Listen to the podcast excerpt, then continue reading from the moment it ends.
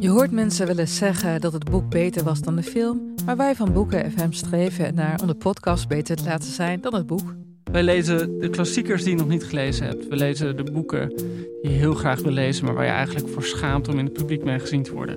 We lezen de Libris-winnaars. Uh, we praten over de Nobelprijslariaten. Allemaal zoals je een etentje hebt. Dat je moeiteloos mee kan praten en dat het lijkt alsof je helemaal belezen bent. Wij zijn Ellen, Joost en Charlotte van Boeken FM. En je kunt ons luisteren in je favoriete podcast-app.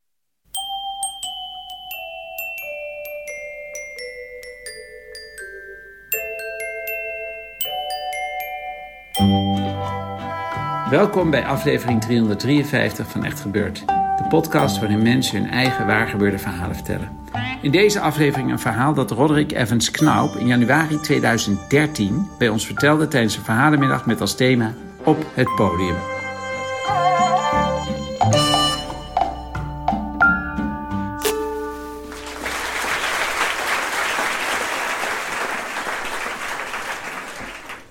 Ik had nooit verwacht dat ik ooit zou meedoen aan een Europees kampioenschap. Want uh, ik ben niet echt atletisch gebouwd. En uh, motorisch ben ik uh, nou ja, op zijn best uitgedaagd. Als ik ga rennen, dan is er een grote kans dat ik val dan dat ik de finish haal.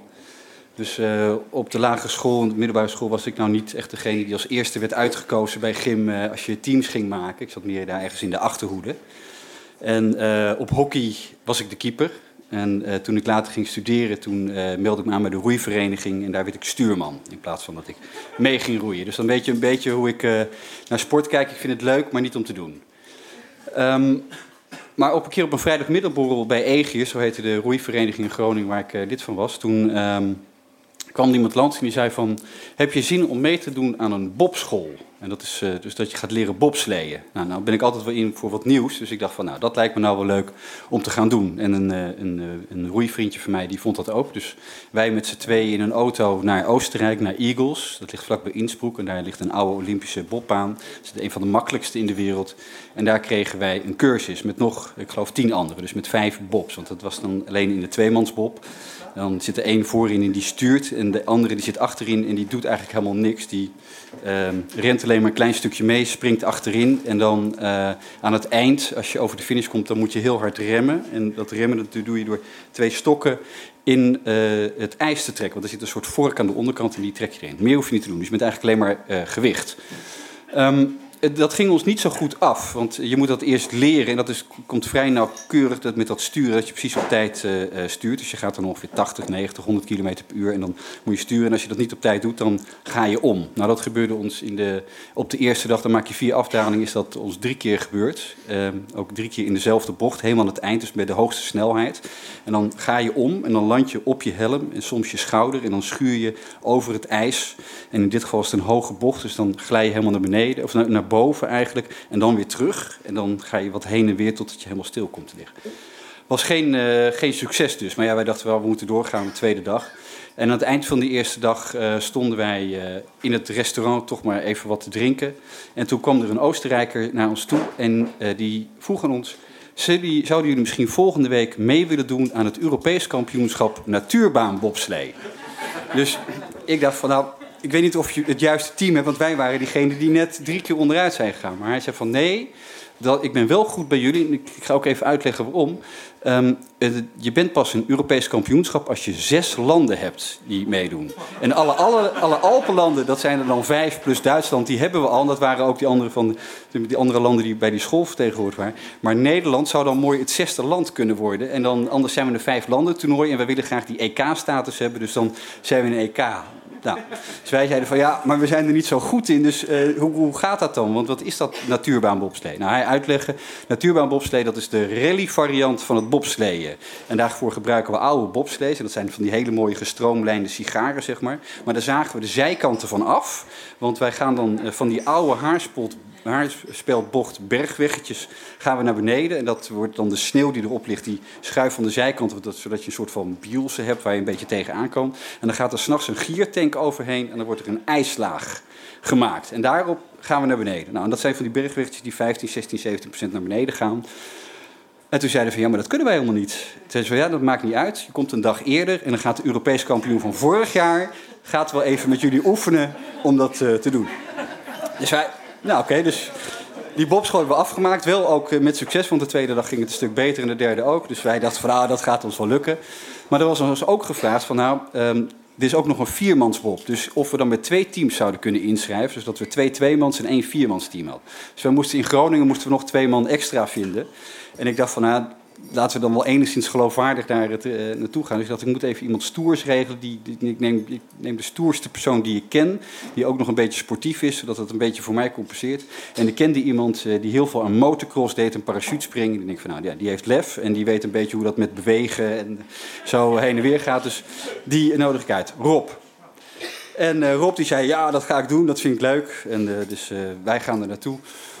En we komen eraan en het was daar wat chaotisch. Want het was iets met de baan mis. Want het had wat, uh, nou, ik weet niet wat, wat, Maar in ieder geval, die hele organisatie uh, die was niet zo professioneel als wij dachten. Maar ja, wij moesten het nog leren. Dus die hadden ze ja, we hebben vanmiddag even wat voor jullie geregeld. Uh, de twee piloten, want de voorin is de piloot en achterin is, is de remmer. En bij het natuurbaanbobsleden heb je niet van die hoge bochten. Maar dan gaat het allemaal recht. Dus die remmer moet ook daadwerkelijk wat doen. Niet alleen bij de finishremmer, maar je moet onderweg ook uh, veel remmen. Dus, maar zeiden ze van dat, dat gaat het wel gewoon op gevoel. Maar de, de twee piloten die moeten dan even mee met het Europese kampioen. En dan gaan jullie even de baan af. Nou ja, dat er voor het eerst zo kletter, kletter, kletteren, die baan. En dat gaat steeds sneller. En dan, ik had niet eens een bril op, dus je, je krijgt alleen die wind in je ogen. Dus je gaat tranen. Dus ik heb eigenlijk die hele afdaling niks van die baan gezien. En uh, toen ook nog ging onderweg de bobstuk, dus wij moesten halverwege al stoppen. Maar toen zeiden ze van ja, ja start toch maar en uh, zien we wat er gebeurt. Dus ik dacht van nou ja, uh, je bent jong en de, we gaan het gewoon proberen.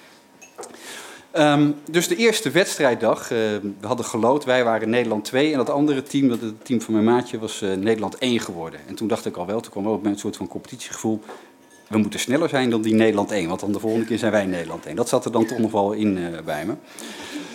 En um, die startte dus ook als eerste. En die deden het eigenlijk verbazend goed. Ze, zijn, ze werden wel zeventiende van de twintig teams. Want er waren nog een paar gecrashed, want dat gebeurde uh, regelmatig. Dat, uh, dit, bij dit, dit soort bobslee is het ook uh, niet de vraag of er gewonden vallen, maar hoeveel. Er staat dus ook continu een reddingshelikopter klaar met van die rijdende wieken. Omdat er altijd, zijn altijd wat boerenjongens die dan meedoen en die te veel bravoer hebben. En die, je kan daar dus daadwerkelijk gewoon over dat sneeuwheuveltje zo het ravijn in. En dan, nou ja, nou, daarbij raak je gewond. Dat is, dat is nou eenmaal zo. Maar die, die, die, jongens hadden het veilig gedaan, veel geremd. Dat, die Nederland 1, en die waren als 17e over de finish gekomen. En ik zei tegen Rob, want ik dacht, dat is die, die stoere gast. Uh, en die, was, die ging er helemaal voor. Ik zei, weet je wat, de eerste drie bochten, want die gaan nog, dan is het nog vrij recht, remmen we niet. En dan bij die derde bocht, en daar gaat het stijl naar beneden. Daar moet je heel hard remmen en dan komen we rustig in die bocht. En daarna zien we wel even verder hoe het gaat. Dus hij zegt, goed, gaan we doen. Dus wij, zitten, wij duwen die bob en we springen erin en we gaan naar beneden. Dan ga je eerst 20, 30, 35, 40 km per uur. Eerste bocht, nou niet remmen, gaat hartstikke goed. We gaan er doorheen. En weer verder, sneller, 50, 60 km per uur. Tweede bocht gaat ook goed. Nou, naar 70, 80 en dan komen we zo richting die derde bocht. En dat bleek dat wij eigenlijk, doordat we niet geremd hadden, een van de snelste tijden hadden. En dat was een, uh, dat was, geweldig. En dat was ook, dit is voor, voor Oostenrijk is het, een soort van uh, Formule 1 gecombineerd met de landse zee in de lucht. Dus daar is de Oostenrijkse staatstelevisie ook bij. En die, om dan een goed overzicht van die baan te krijgen, hadden ze een enorme kraan bij die derde bocht neergezet, zo omhoog. En daar zat dan de commentator in met een microfoon die dan alles omroept. En dat kon je dus dan ook horen. Met een camera erbij. En in die bocht waar we dan heel, waar je heel stel zo waar wij op afkwamen, daar stond ook een stube. Dat is maar zo'n plek waar je drank kon krijgen. Dus dat, daar stond ook al het publiek. Allemaal te drinken aan de jegerthee en de, en de bier. En, nou, geweldig. Dus wij komen op die bocht af met 80 km per uur. En er werd zo omgeroepen, die Nederlander 2 had die snelste tijd. En wij, hup, zo naar beneden. En vlak voor die bocht, ik denk van nou, nu moeten we remmen. Dus ik zeg tegen Rob, rem! En dan moet je dus die twee dingen zo omhoog trekken, zodat dat, die vork in het ijs terechtkomt en dan rem je af, dacht ik. Maar op dat moment voel ik twee armen om me heen. Dus Rob was een beetje bang geworden. en die kletterde bij mij zo.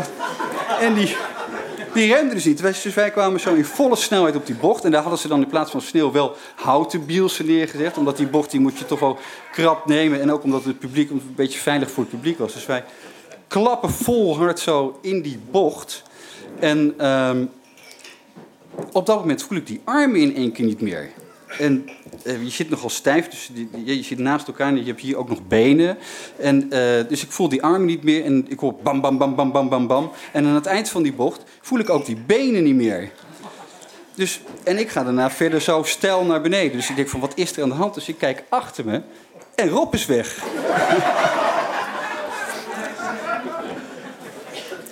Die bleek dus, door die G-krachten en die snelheid en die klap... bleek hij dus op zijn, het eerste, bij die eerste klap op zijn zij terechtgekomen. Die ging dus met zijn ribben over die bielsen. En aan het eind bleek er zoveel druk te zijn dat hij ook met zijn benen loskwam. Dus die was zo gerold en richting het ravijn. Maar gelukkig hadden ze daar wel een soort van skinetten neergezet. Dus die kwam uiteindelijk in die netten terecht en daar konden ze hem uittrekken. Maar ik zat dus nog in mijn eentje in die bob en ik kijk achter me en ik kan niet remmen. En daarna heb je een paar van die bochten zo.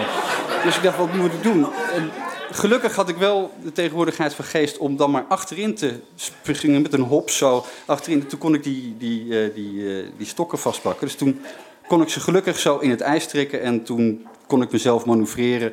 En ben ik tot stilstand gekomen. Zonder kleerscheuren, dat moet ik wel zeggen. Dus daar, daar was ik wel trots op. Dus toen uh, ben ik uh, uh, teruggerend. En toen waren er dus allemaal mensen om Rob heen. En die had bij het motocrossen geleerd... op het moment dat je crasht... dan moet je weten... want je hebt zoveel adrenaline... dat je, je voelt eigenlijk niks meer... dan moet je weten of je iets gebroken hebt. Dus die stond daar... en dat ze van... dat doe je altijd door te schudden. Dus die stond daar... Zo... Dus die mensen die dachten dat hij een toeval had gekregen. Dus er werd meteen, die helikopter werd sneller aangezet. En Rob was nogal van de drank, dus die, die stond zo van de... Dus er kwam iemand naar hem toe en zei van, is, ben je oké, kan ik iets voor je doen? En die zei alleen maar, ja, doet u mij maar een jegerthee. Nou. In ieder geval eindigde daar voor ons het, uh, het verhaal van dit Europees kampioenschap. Want ja, wij zijn niet uh, geëindigd, maar Nederland werd dus uiteindelijk wel uh, zeventiende. Voor ons helaas geen podiumplaats, maar nu uiteindelijk 15 jaar later heb ik dus toch nog een podium gevonden. Dankjewel.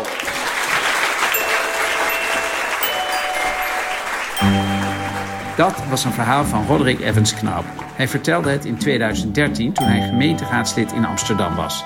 Na een carrière in de lokale politiek is hij nu directeur van het Gieskes Strijbisfonds dat maatschappelijke projecten ondersteunt op het gebied van natuur en milieu, medisch onderzoek, kunst en cultuur en democratie en rechtsstaat.